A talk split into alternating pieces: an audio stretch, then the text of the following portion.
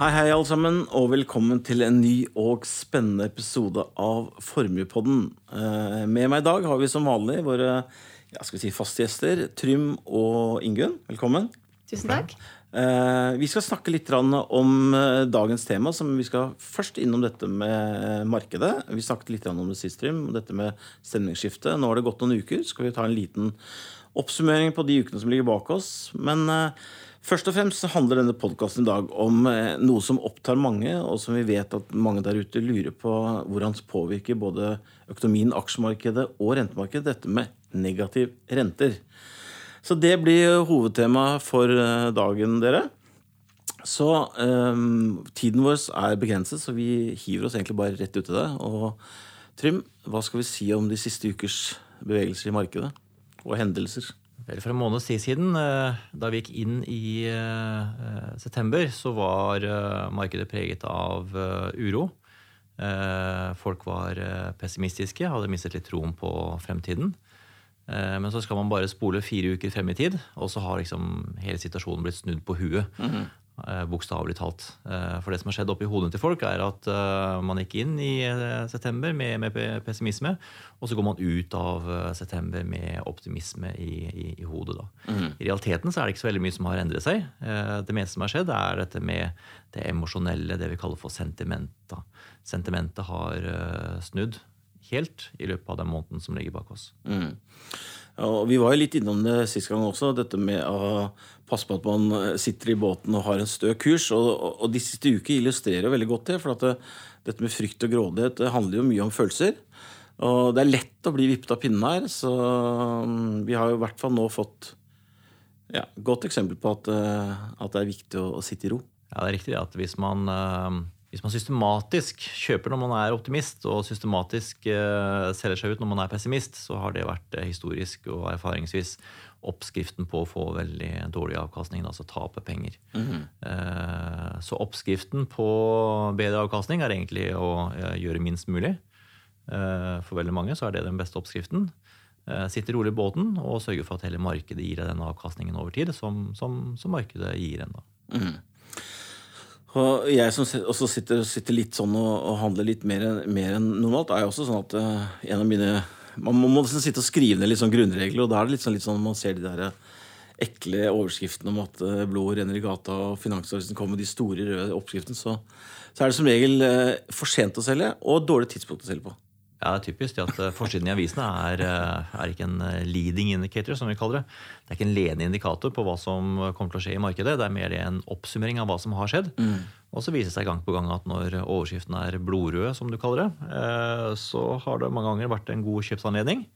Og når overskriften i avisene bare snakker om det fine og det positive, så har det typisk vært kanskje litt sent ute i en sånn syklus. Eh, og så blir avkastningen eh, litt eh, svakere og litt mer dempet etter disse positive overskriftene. Da. Vi kan i hvert fall kort og godt oppsummere med at det aksjemarkedet ikke er kjedelig om dagen. Det har jo vært Vi har hatt noen år tidligere hvor, ting, hvor det har vært veldig, veldig stabilt.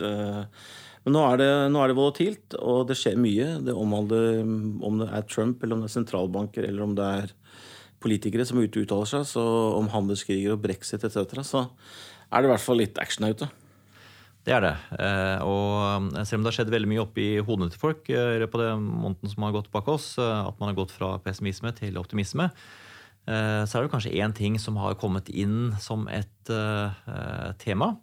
Og det er dette her med det vi kaller for finanspolitikk. Vil si at eh, eh, myndighetene vurderer å bruke statsbudsjettene eh, for å pumpe litt liv i, i, i økonomien.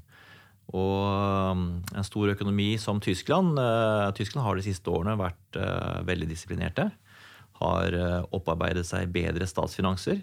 Og nå diskuterer man på høyt politisk hold i, i Tyskland å bruke de bedre statsfinansene til å stimulere økonomien gjennom det vi kaller for finanspolitikken. Da. Nemlig. Det skal vi faktisk komme litt tilbake til også, Trym. Ja. Fordi det er, står faktisk som et eget punkt i, i dagens agenda. Dette med å bygge infrastruktur og veier og broer og gjøre faktisk andre ting for å prøve å stimulere til vekst. Vi har jo fått noen, noen datapunkter i Tyskland denne uken her, eller den måneden her, som har vært ganske svake. Så Tyskland har, har en vei å gå, sammen med mange andre land.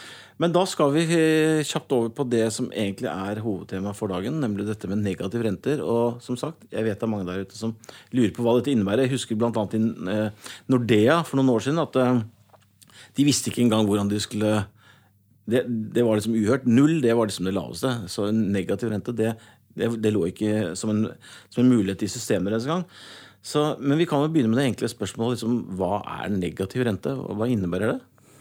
Altså Renten er jo bare et tall. Mm. Eh, og det tallet har eh, historisk vært eh, helt oppe i 20 eh, Noen husker det. Eh, det har vært 10 og, og for noen år siden så var det 5 eh, Og så har dette tallet blitt lavere og lavere. Og nå har det mange steder blitt null og til og med eh, negativt. Så, i utgangspunktet så, er det bare et, et, et tall. Mm -hmm. Og det tallet det bestemmer jo hva som skjer med terminbetalingene dine, og, og, og, og hvordan du skal forholde deg til motparten din, da, som gjerne mhm. er en, er en bank. da.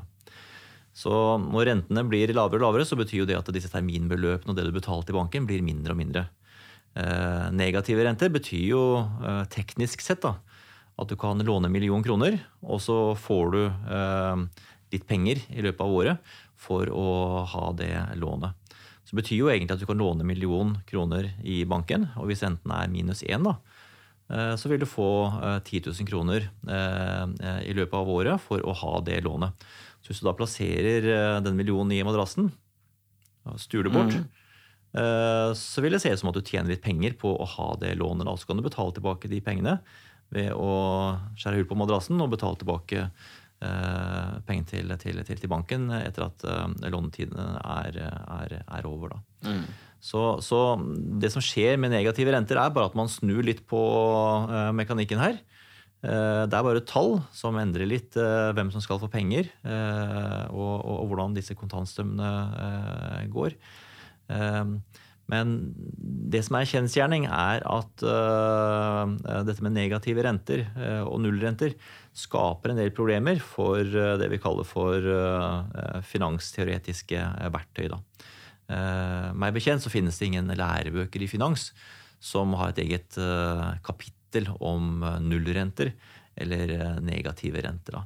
Så det betyr at når renten blir så lav at den går til null, og til og med negativ, så begir du deg inn i ukjent terreng. Og i et ukjent terreng så bør man jo trå litt varsomt.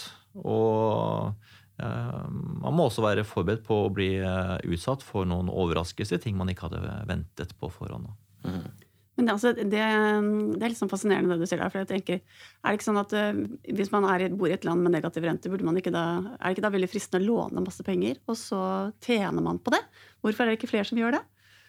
Jo, det, er riktig at hvis du, hvis, du, hvis du, låner da en million, og så er renten minus én, da, så vil du få, eh, eh da vil du få 10 000 kroner i året for, for å ha det lånet. da.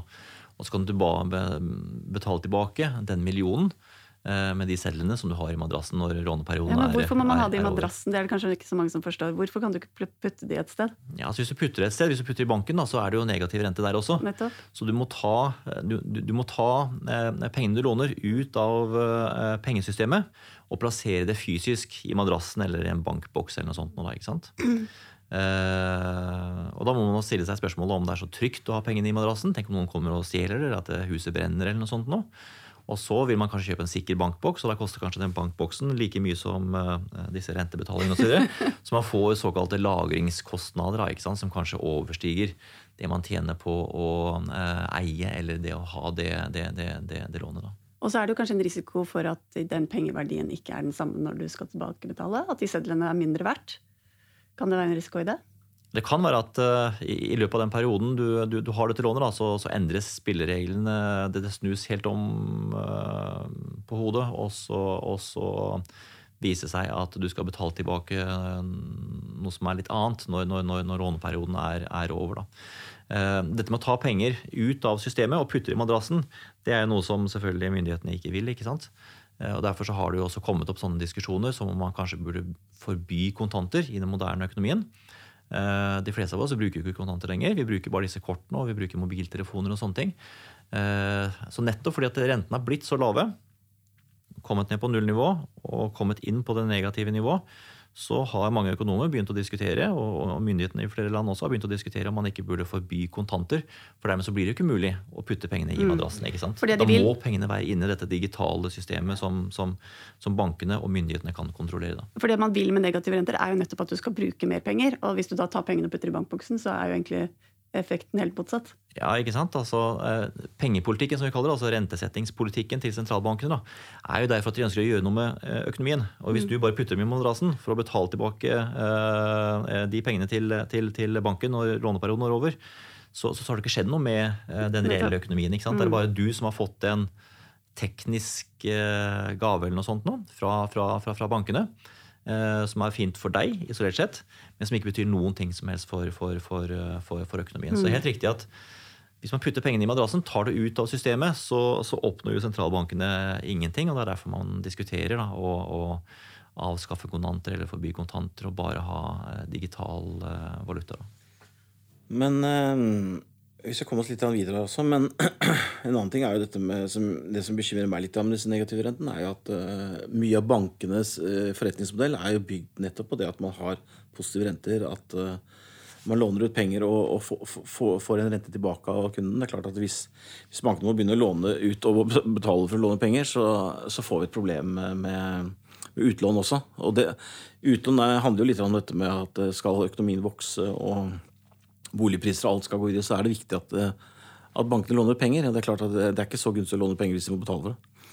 Eh, men det er litt enkle teori. Vi skal, vi skal gå videre. for det er ikke bare, Vi har jo sett nå de siste tiårene etter finanskrisen at sentralbankene har stimulert på ulike metoder. Og en av de mest kjente metodene er det de har kalt kvantitative lettelser. Dvs. Si at eh, sentralbankene både i Sverige også faktisk, men Europa, spesielt i USA, har spylt penger ut i markedet nettopp for å, for, for å simulere til vekst. Men eh, vi snakker litt om dette med finanspolitikken, som, som nå Trym, du mener har mer og mer å si på andre ting også enn å bare øke, det, øke pengestrømmen. Ja, altså man, eh, Nettopp fordi renten har blitt satt så lavt, da, som, som, som, null, og, og, til og med lavere enn det eh, enkeltsteder, så har man begynt å lure på om eh, pengepolitikken har utspilt sin rolle. Mm. Eh, I hvert fall rentesettingspolitikken. Da. Mm. Så har sentralbanken også benyttet seg av andre triks, eh, knep, enn en å sette renten lavt. De har kjøpt verdipapirer i markedet, kjøpt obligasjoner. Og de har til og med kjøpt aksjer for å pumpe opp prisene da, på finansielle aktiva. Fordi de tror at det der, eh, det med å kjøpe finansielle aktiva, eh, eh, vil øke hastighetene på hjulene i, i mm. økonomien. Men man føler, det er en følelse nå av at den moderne pengepolitikken har kommet til veis ende. At den har kommet inn i et hjørne. Mm. Hvor renten er så lav. Man har prøvd dette med kvantitative lettelser. Det prøvde man for, for, for ti år siden under den store finanskrisen. Så det man tenker nå, er at nå må man uh, finne på noen nye triks uh, mm. for å stimulere økonomien. Og Derfor har det blitt uh, diskutert mange steder om man ikke skal forsøke å bruke finanspolitikken i tillegg. Mm. Dvs. Si øke størrelsen på statsbudsjettet gjennom investeringer og øke kostnadene på statsbudsjettet for derigjennom å stimulere til økt aktivitet i, i, økonomien. Dette er ikke så lett for veldig mange land, for de har jo allerede eh, underskudd på statsfinansene. De har stor gjeld og sånne ting.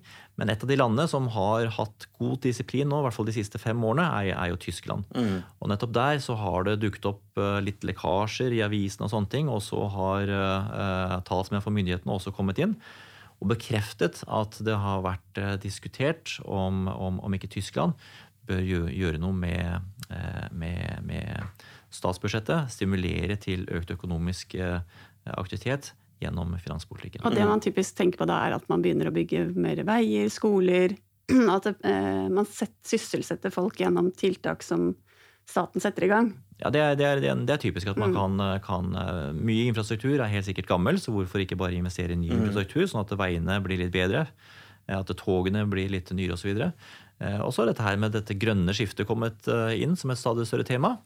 Og det tror jeg er veldig spennende, for nå tror jeg det er større aksept enn noen gang for at man begynner å investere i det som kalles grønt. da. Mm. Eh, veldig enkelt forklart. Eh, skifte den gamle, rustne eh, maskinen med en uh, ny og skinnende uh, maskin som uh, gjør jobben bedre enn før, og på en renere måte enn en før. Da. Så sånne grønne investeringer er noe jeg tror vi kommer til å se mer av i de neste årene, og også de neste tiårene.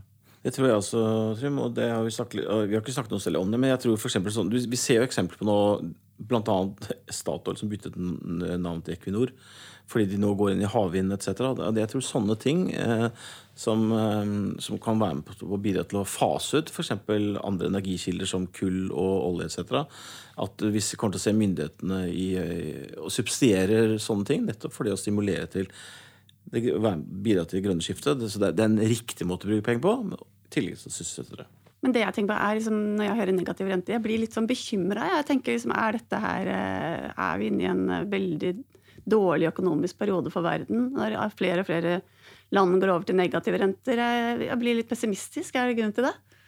Ja, altså eh, eh, Erfaringsvis, historisk, så har jo eh, sentralbankene satt ned renten når økonomien går dårlig. Og når renten blir satt lavere og lavere, og nå det siste året så har den ene sentralbanken etter den andre snudd og begynt å sette ned renten, så er jo det erfaringsvis eh, en indikasjon på at det går ganske dårlig med økonomien. Eh, og jeg tror den observasjonen er, er riktig. Eh, konjunkturelt sett, altså det som skjer i makroøkonomien, det som skjer i realøkonomien. Eh, tilstanden er eh, ikke veldig robust. Eh, eh, veksten har gått fra å være eh, sånn middels til å bli ganske svak. Eh, og risikoen for resesjon, altså økonomisk tilbakegang, f.eks. i USA, er større enn den har vært på i hvert fall ti år. Da. Bra. Um, tiden løper fra som vanlig når vi har det så hyggelig som vi har det her nå. Sånn at uh, vi skal inn på et litt komplisert eh, tema for dagen, Trym. Som vi nesten var litt usikre på om vi skulle komme inn på, men vi har lyst til å prøve oss på det. og uh, Vi har noen litt kompliserte ord her som, uh, for, for å illustrere dette med egentlig sårbarhet nå rundt dette med, med så lave renter og negative renter. Og det er et ord eh, i, mm, som analytikere og alle bruker i modellen når man skal verdsette ulike aksjemarkeder og selskaper. Dette med diskonteringsrenten. og Kan ikke du forklare hva det betyr, og hva det innebærer for eh, verdsettelsen av eh, selskapene? Når, når renten da er negativ? da?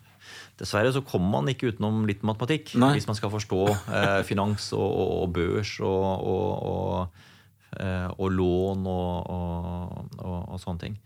Eh, og du brukte ordet diskonteringsrente. Og det er en form for beregningsrente som inngår i regnestykkene eh, til en finansanalytiker. Og eh, sammenhengen mellom beregningsrenten eller diskonteringsrenten og verdien på en aksje er ganske enkelt sånn at jo lavere diskonteringsrenten er, desto høyere blir den finansielle verdien. Da. Mm. Så når renten er, er 10% så, så, så legger det en veldig demper på uh, de finansielle verdiene som man ser på børsen. Mm. Når renten faller ned til 5% så skaper da den lavere diskonteringsrenten rom for høyere finansielle uh, verdier. Når renten blir 1% så begynner det å skje noe interessant med uh, beregningen av de finansielle verdiene. Da, da blåses de voldsomt opp. Og når renten blir null, Mm. Så er det litt som om man deler eh, et tall på null. Altså én del på null. Eh, Og det lærte vi på barneskolen at det er veldig vanskelig å få til. Eh, eh, Vi lærte bare at det var et tegn som, som, som var fasiten på det. Et sånt uendelighetstegn da, som ingen kunne forestille seg. Og det er litt dette her som skjer når man begynner å øh, øh, jukse litt for mye med dette rentevåpenet. Mm. Sette renten fra 5% til 3 og ned til null, og, og til og med negativt. Da skjer det noe med disse regnestykkene som finansanalytikerne holder på med. Mm. Og det som skjer, er at det som kommer ut av regnearket, det som kommer ut av kalkulatoren, er et veldig høyt tall. Mm. Sånn at aksjeverdiene i en verden med nullrente blir teoretisk sett, teknisk sett, veldig høye. Man kan si uendelig høye, sånn rent teoretisk. Da. Uh, og da, når man går inn i en sånn verden med nullrenter, når diskonteringsrenten er null, så eh, kan man på den ene siden se for seg at eh, verdiene på børs skal bli eh, ekstremt høye. Mm. På den andre siden så kan man se for seg at det som skjer oppi hodene til folk, nemlig hva man tror om denne diskonteringsrenten, denne beregningsrenten, hva man tror om denne i fremtiden, vil ha stor påvirkning på variasjonene i disse finansielle verdiene. Mm. Eh, sagt på en annen måte, Når man går fra en periode med renter som er på 5% osv., som vi var vant til på 2000-tallet, mm. til dagens rentenivå som er på null, så går man inn i en verden hvor det teknisk sett man kan forsvare veldig høye aksjeverdier. Mm. Men på den andre siden så må man også uh, tåle det at disse høye aksjeverdiene kan svinge en del i verdi uh, ut fra folk, hva folk tror om eh, denne beregningsrenten i fremtiden. Da, ikke sant? Det, det, er, det, er, litt dette med det vi snakket om rundt volatiliteten og sårbarheten. At det, den vil bli mye større. Ja, når Men, du snakker om volatilitet, så mener du da at uh, svingningene at, børs, at det er derfor det er så usikkerhet på børsen om Det kan være en av årsakene til det er så usikkerhet rundt børsen, fordi analytikerne har problemer med å regne hjem verdiene. Før hadde de veldig konkrete modeller på hvordan de skulle regne på verdiene av selskapene, men nå er en av de modellene på en måte verdiløse. Da. Så det blir jo en, de må bruke kanskje andre verktøy i sine måter å sette pris på selskapene på.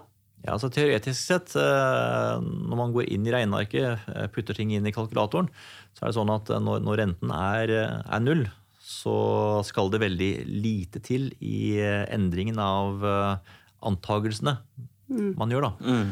Det skal det veldig, veldig, lite til for at man får store uh, verdivariasjoner, prissvingninger, uh, i, i, de verdiene som man mener at børsen er, er, er verdt. da. Mm, så, men det påvirker litt stemningen eh, i markedet i dag? Ja, altså det, det kan, det kan uh, Dette her kan reflekteres i at sentimentet, som vi kaller det, mm. uh, nemlig den emosjonelle biten av markedsanalysen, uh, blir viktigere i dag enn en, en det var før. Da. Det vil si at folk styrer mer på følelser? Ja, altså Det som skjer oppi hodene til folk, altså hvilken, hvilken, beregningsrente du setter inn i regnestykket ditt når du skal beregne eh, verdien på børs, øh, øh, disse tingene her øh, vil bety mer for verdien på selskapene som er på børs, mm. enn, det var før, da renten var 5% og 7 mm. og sånt. Bra. Vi er litt på overtid allerede. Um, så jeg foreslår at vi, at vi sier takk for i dag med det.